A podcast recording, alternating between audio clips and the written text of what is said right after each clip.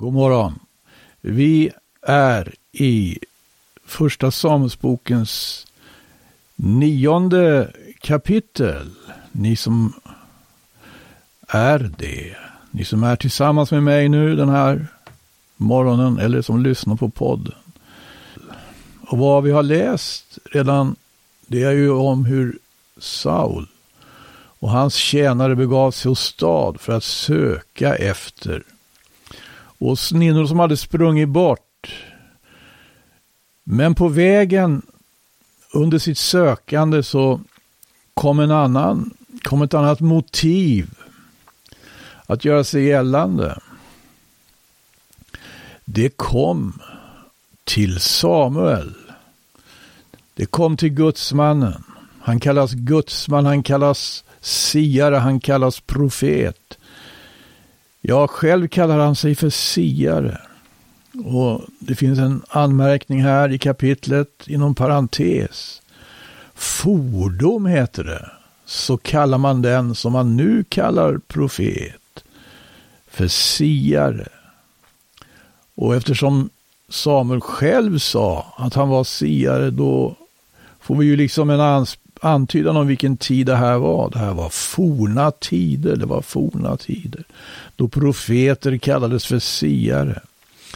Gud söker blott fram det förgångna, läser vi. Predikaren, kapitel 3 och vers 15.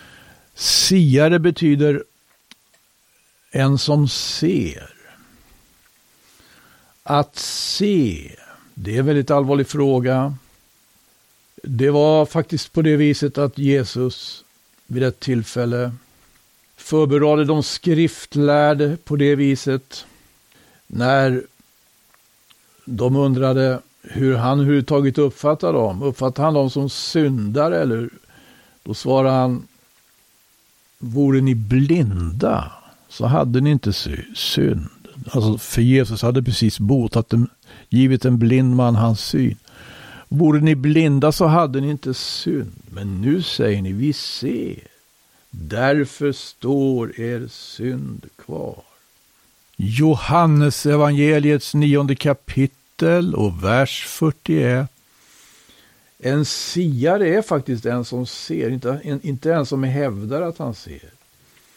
Det är en som ser vad andra inte ser. Och Samuel, han var ju av det slaget. Han såg och han förstod vad andra inte såg och förstod. När de kom till honom så fick de veta att åsninnorna var funna. Återfunna. Och Samuel var också angelägen om att tala med Saul och även påföljande dag. De kom alltså till honom därför att eh, tjänaren som Saul hade med sig fick ju den tanken. I sjätte versen i första Samuelsboks nionde kapitel säger han i denna stad finns en gudsman, han är en ansedd man. Allt vad han säger, det sker. Låt oss nu gå dit, må hända kan han säga oss något om den färd vi har företagit oss. Och de kom till honom och han hade verkligen någonting att säga. Förutom allt annat han, han hade att säga så hade han faktiskt också den upplysningen att ge dem. Att åsninnorna var återfunna. Och det har blivit sent, det har blivit kväll, det har blivit natt. Och de övernattar där i staden där Samuel befinner sig och han vill också den påföljande dagen han säger att han vill tala med Saul om något. Om vi nu tänker oss att tjänaren och Saul eh, ligger lite och samtalar med varann och börjar plötsligt få lite kalla fötter. Vad har vi egentligen gett oss in på? Var, var har vi hamnat någonstans? Och det var ju tjänaren som hade en sån frimodig, eh, riktigt nästan en bekännelse då han sa till Saul. det är en gudsman. Allt vad han säger, det sker. Det var tjänarens ord. Och Saul hakade på det. Och de kom till gudsmannen. De kom till, låt säga nu att de, de liksom lite funderar, vad, alltså, håller vi, vad är det här för någonting? Det här kan ju inte stämma, vad i all sin dar? Hörde du vad han sa? Hur kan han vara så säker? Är det här verkligen rätt? Och Saul säger, ja, det är klart, det kan man ju fundera på. Men nu är vi ju här. Vad tycker du vi ska göra? Och tjänaren säger, ja, men jag måste faktiskt säga, jag tycker det här är helt läskigt. Jag, jag, jag, jag, jag tycker vi ska hem nu, vi återvänder. Vi, vi, vi, kan inte vara här. Vad är det här för någonting? Vad är det som håller på att hända? Jag vet inte, säger Sao. Jag tycker det verkar som att det är någonting faktiskt eh, som jag skulle vilja veta lite mer om trots allt. Ja, om du vill veta lite mer så får du väl stanna. Men jag tror faktiskt jag bryter upp, jag återvänder. Ja, men jag vill inte att du ska återvända ensam. Och så börjar de tillsammans. Det här står inte i Bibeln. Jag tänker bara, tänk om det gick till så här. Och de börjar ta stegen då tillbaks hela vägen. Den väg de tidigare hade gått. Först, eh, nu var de i Susland, ja. Eller de var faktiskt i staden där Samuel befann sig. När de lämnade den staden kom de till Susland. Det var bihonungskakan med de sexkantiga formationerna. Det var sex. Efter Susland kom de till Benjamin, till Benjamins land. Och Benjamin, det är höger hand. Det är fem fingrar. Och efter Benjamins land så kom de tillbaka till Salims land. Salim, Salim det är rävar, de har fyra ben. Sex, fem, fyra. Och efter Salimslandet kom de till Salisalandet. Det betyder treor. Och efter Salisalandet kom de till Efraims bergsbygd. Det betyder dubbelt och det är minst två. Sex, fem, fyra, tre, två. Så återvänder de till Kis. Och när de träffar Kis, vad händer då? Då säger Kis, va? Var har ni varit? Jag undrar, vad, jag blev ju orolig. Ja, men vi, vi, vi gick vilse, vi, vi vet inte, visste inte någon annan råd än att återvända. Ja, ja, säger Kis. Och sninnorna som gick ut och söka, de återvände själva. Vi, de kom hit. Säger du det, säger Saul och tittar på tjänaren. Men sen sprang de iväg igen, kan ni begripa? Nu kommer ni tillbaks efter att ha letat och inte hittat dem. De kom själva tillbaks och nu kommer ni, då har de sprungit bort igen. Och Saul och tjänaren tittar på varandra. Vad var det vi var med om? Vad var det den där gudsmannen talade om? Han talar ju om någonting stort och allvarligt. Så vi egentligen de var som bara, det var en tanke som liksom gick rätt igenom dem. Det här går inte. Ja, jag säger så, vi, vi, vi, vi springer genast iväg och letar efter dem igen. Spring inte vilse den här gången bara, säger pappa Kis. Vad sa nu pappa Kis? Sa han det här? Nej, det här läser vi inte i Bibeln. Det gör vi inte. Det här har jag bara diktat upp. Men jag ska säga en sak som verkligen Bibeln talar om. Och det är ingen dikt, det är verklighet. Det är tvivlet. När, när, jag, när, jag, när jag hittar på det här att Saul och hans tjänare tvivlade. Så är faktiskt själva tvivlet en mycket allvarlig fråga. Man kan tvivla.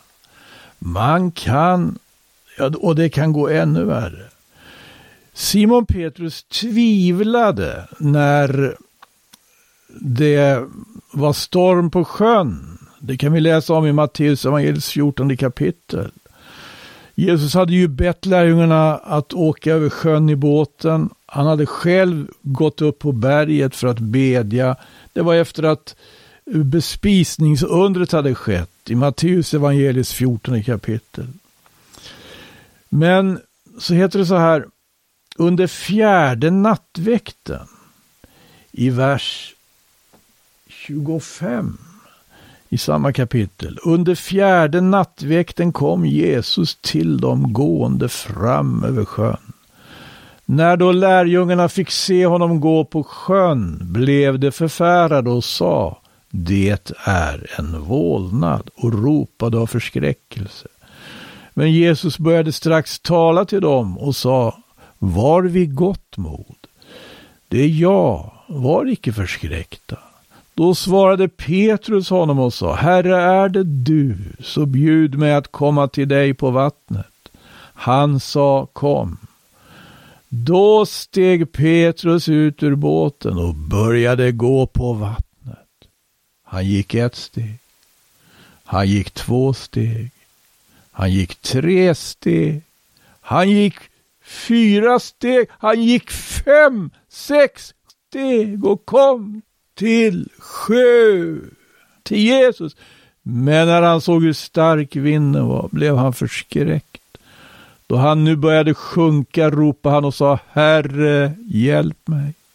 Och strax räckte Jesus ut handen och fattade i honom och sa till honom Du klentrogne, varför tvivlade du? Ja, det här står i Matteus evangeliets 14 kapitel. Det står inte hur många steg Petrus tog.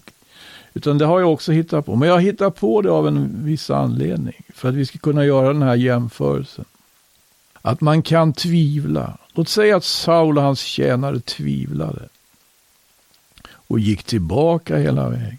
Från att ha gått sju steg framåt fick det gå sju steg tillbaka. Från plats till plats som tidigare hade gått igenom platser som betecknade olika framsteg på vägen. Att man har avancerat. Istället för att avancera så drog de sig tillbaka ända till ruta ett. Simon Petrus tvivlade och eh, han höll på att sjunka.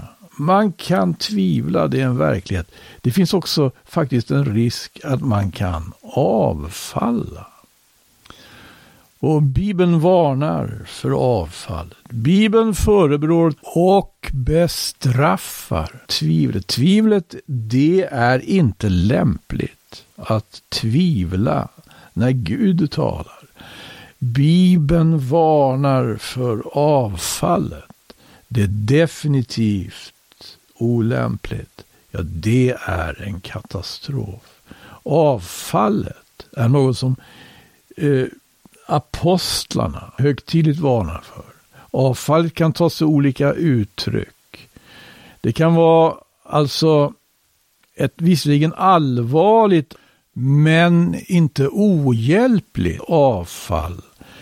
Eh, som eh, i Galaterbrevet, aposteln Paulus skriver ju till Galaterna.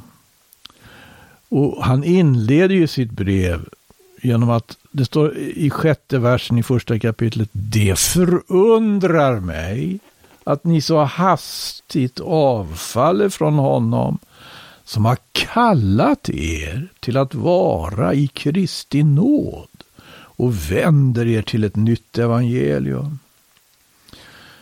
Och det här var verkligen en väldigt allvarlig fråga i, för de tidiga kristna. Därför att det handlade konkret om att för att bli frälst Måste man hålla Mose lag eller ej? Det var det som var frågan. Det fanns de som kom, enligt Apostlagärningarnas 15 kapitel, helt tydligt så kom det sådana ifrån just Judeen och ifrån Jerusalem till hedna församlingen och predikade det budskapet.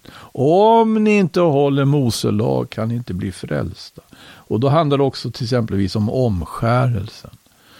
Det här var någonting som aposteln Paulus verkligen vände sig emot när han kom ut till hedna församlingarna som till exempel församlingen i Galatien. Och han kallade det för avfall. Därför att det skymde Guds nåd.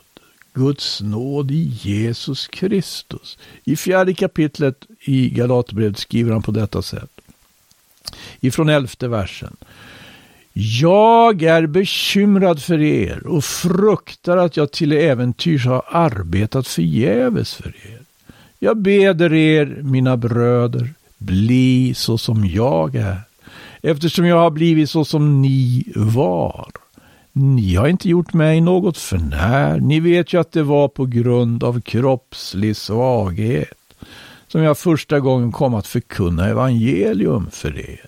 Och fast mitt kroppsliga tillstånd då väl hade kunnat innebära en frestelse för er, så såg ni det ändå icke med ringaktning eller leda, utan tog emot mig såsom en Guds ängel, ja, såsom Kristus Jesus själv. När hör man er nu prisa er saliga? Det vittnesbördet kan nämligen ge er att ni då, om så hade varit möjligt, skulle ha rivit ut era ögon och givit dem åt mig. Så har jag då blivit er ovän, därigenom att jag säger er sanningen. Man söker med iver att vinna er för sig, men inte med en god iver. Nej, det vill avspärra er ifrån andra, för att ni med så mycket större iver ska hålla er till dem. Och det är nu gott att ni blir omfattade med ivrig omsorg i en god sak alltid och inte bara när jag är tillstädes hos er. Ni, mina barn, som jag, som jag nu åter med vånda måste föda till livet, intill dess att Kristus har tagit gestalt i er. Man skulle kunna säga, han hade fört dem sju steg på vägen. Och Kristus hade faktiskt fått gestalt ibland. Men så hade de, så hade de avfallit. De hade gått sju steg tillbaka. Det förundrar mig, skrev han, att ni så hastigt avfaller från honom som har kallat till er att vara i Kristi nåd och vänder er till ett nytt. Det hade kommit de som hade predikat ett nytt evangelium som det kallades, ett annat evangelium i alla fall. Och det hade fört dem vilse. Det hade fört dem sju steg tillbaka istället för, för att föra dem vidare. När de nu hade kommit sju steg framåt. Jag är bekymrad för er, skriver Paulus. Och här i det här stycket har vi faktiskt med en hel del. Han, eh, han skriver exempelvis om att det var på grund av kroppslig svaghet som han första gången kom att förkunna evangelium. Det är bara det här. Och fastän mitt kroppsliga tillstånd då väl hade kunnat innebära en frestelse för er, såg ni då ändå icke med ringaktning eller leda, utan tog emot mig såsom en Guds ängel, ett Guds sändebud, ja, såsom Kristus Jesus själv. Han, hans kroppsliga tillstånd hade kunnat innebära en frestelse. Vad kan det här ha handlat om? Att han blev sjuk? Och då skulle de kunna tänka, är det här verkligen en Guds tjänare? Är det här verkligen en eh, representant för Jesus Kristus som botar sjuka och inte själv blev sjuk? Eller så kanske han hade blivit pryglad, för det blev han. Han blev tre gånger med spön.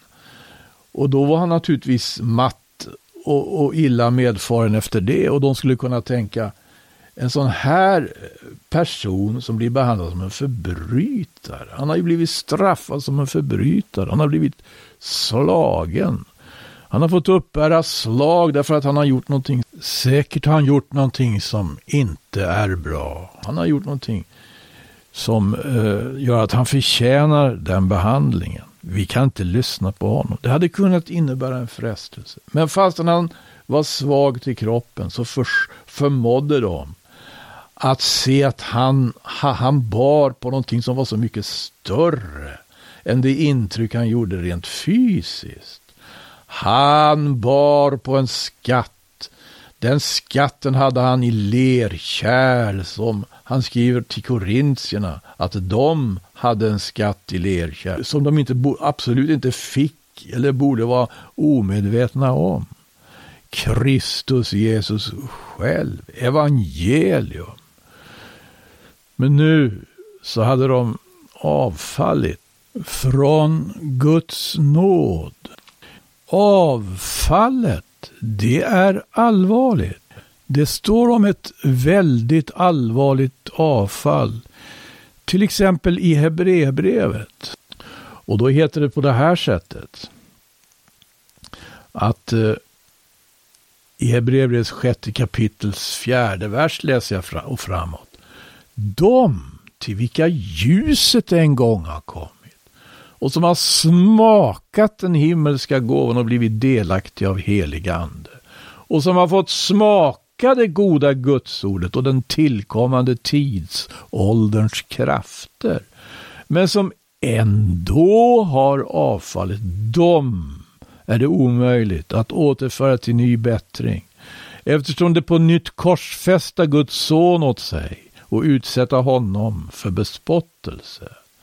Det är ju så att den jord som indricker regnet när det titt och ofta strömmar ner däröver och som framalstrar växter dem till gagn för vilkas räkning den brukas. Den jorden får välsignelse från Gud. Den åter som bär törn och tistel, den är ingenting värd och är förbannelsen nära och slutet blir att den avbränns med eld.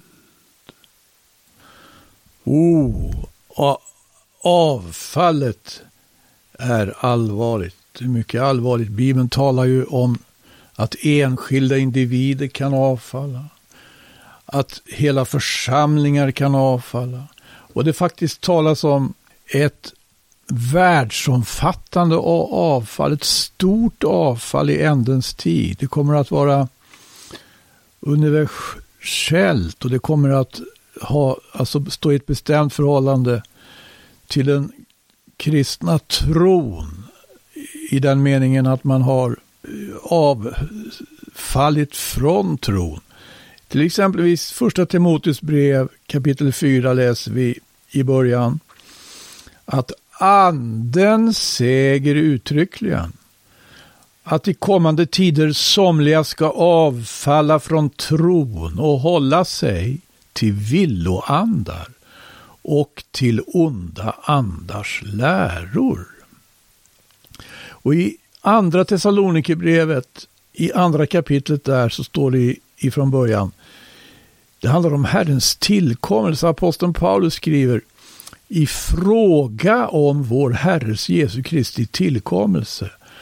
Och hur vi ska församlas till honom bedja vi er, käre bröder, att ni inte vare sig genom någon andeingivelse eller på grund av något ord eller något brev som förmenas komma från oss, så hastigt låter er bringas ur fattningen och förlora besinningen, som om Herrens dag redan stode för dörren. Låt ingen bedraga er om på vad sätt det vara må. Först måste avfallet ha skett och laglöshetens människa ha trätt fram. Avfallet står det här i en mycket bestämd mening. En mening som angår alla kristna som eh, är angelägna om att vara vakande som Herren själv har uppmanat till, att vaka och bedja. Det avfallet är alltså någonting som har med apokalyptiska händelser i ändens tid att göra. Och Uppenbarelseboken skildrar också detta med starka bilder. Nu har vi talat om tvivel och om avfall av olika grad. När blir tvivel till avfall?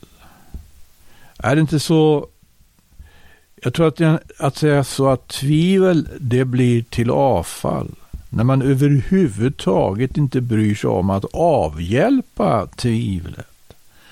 Här ser vi alltså att det finns också olika slags avfall därför att det var ett slags avfall som Galaterförsamlingen hade drabbats av. Men det var faktiskt möjligt att avhjälpa. Därför att aposteln gör ju sig faktiskt mödan att, göra, att, att komma till rätta med det.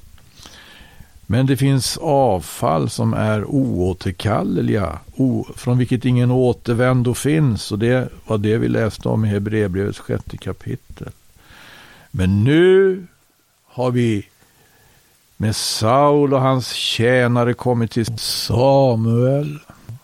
Och de, de har inte tvivlat, de har inte vacklat, de återvände aldrig. Det var bara påhitt om dem. Det var närmast förtal. Det, det var faktiskt inte alls vad de gjorde. De hade kommit till staden där Samuel befann sig.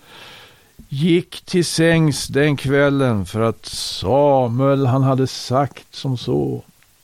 Om allt vad du har på hjärtat vill jag ge dig besked. Och han hade också sagt, vem tillhör för övrigt allt vad härligt är i Israel? Om icke dig och hela din faders hus.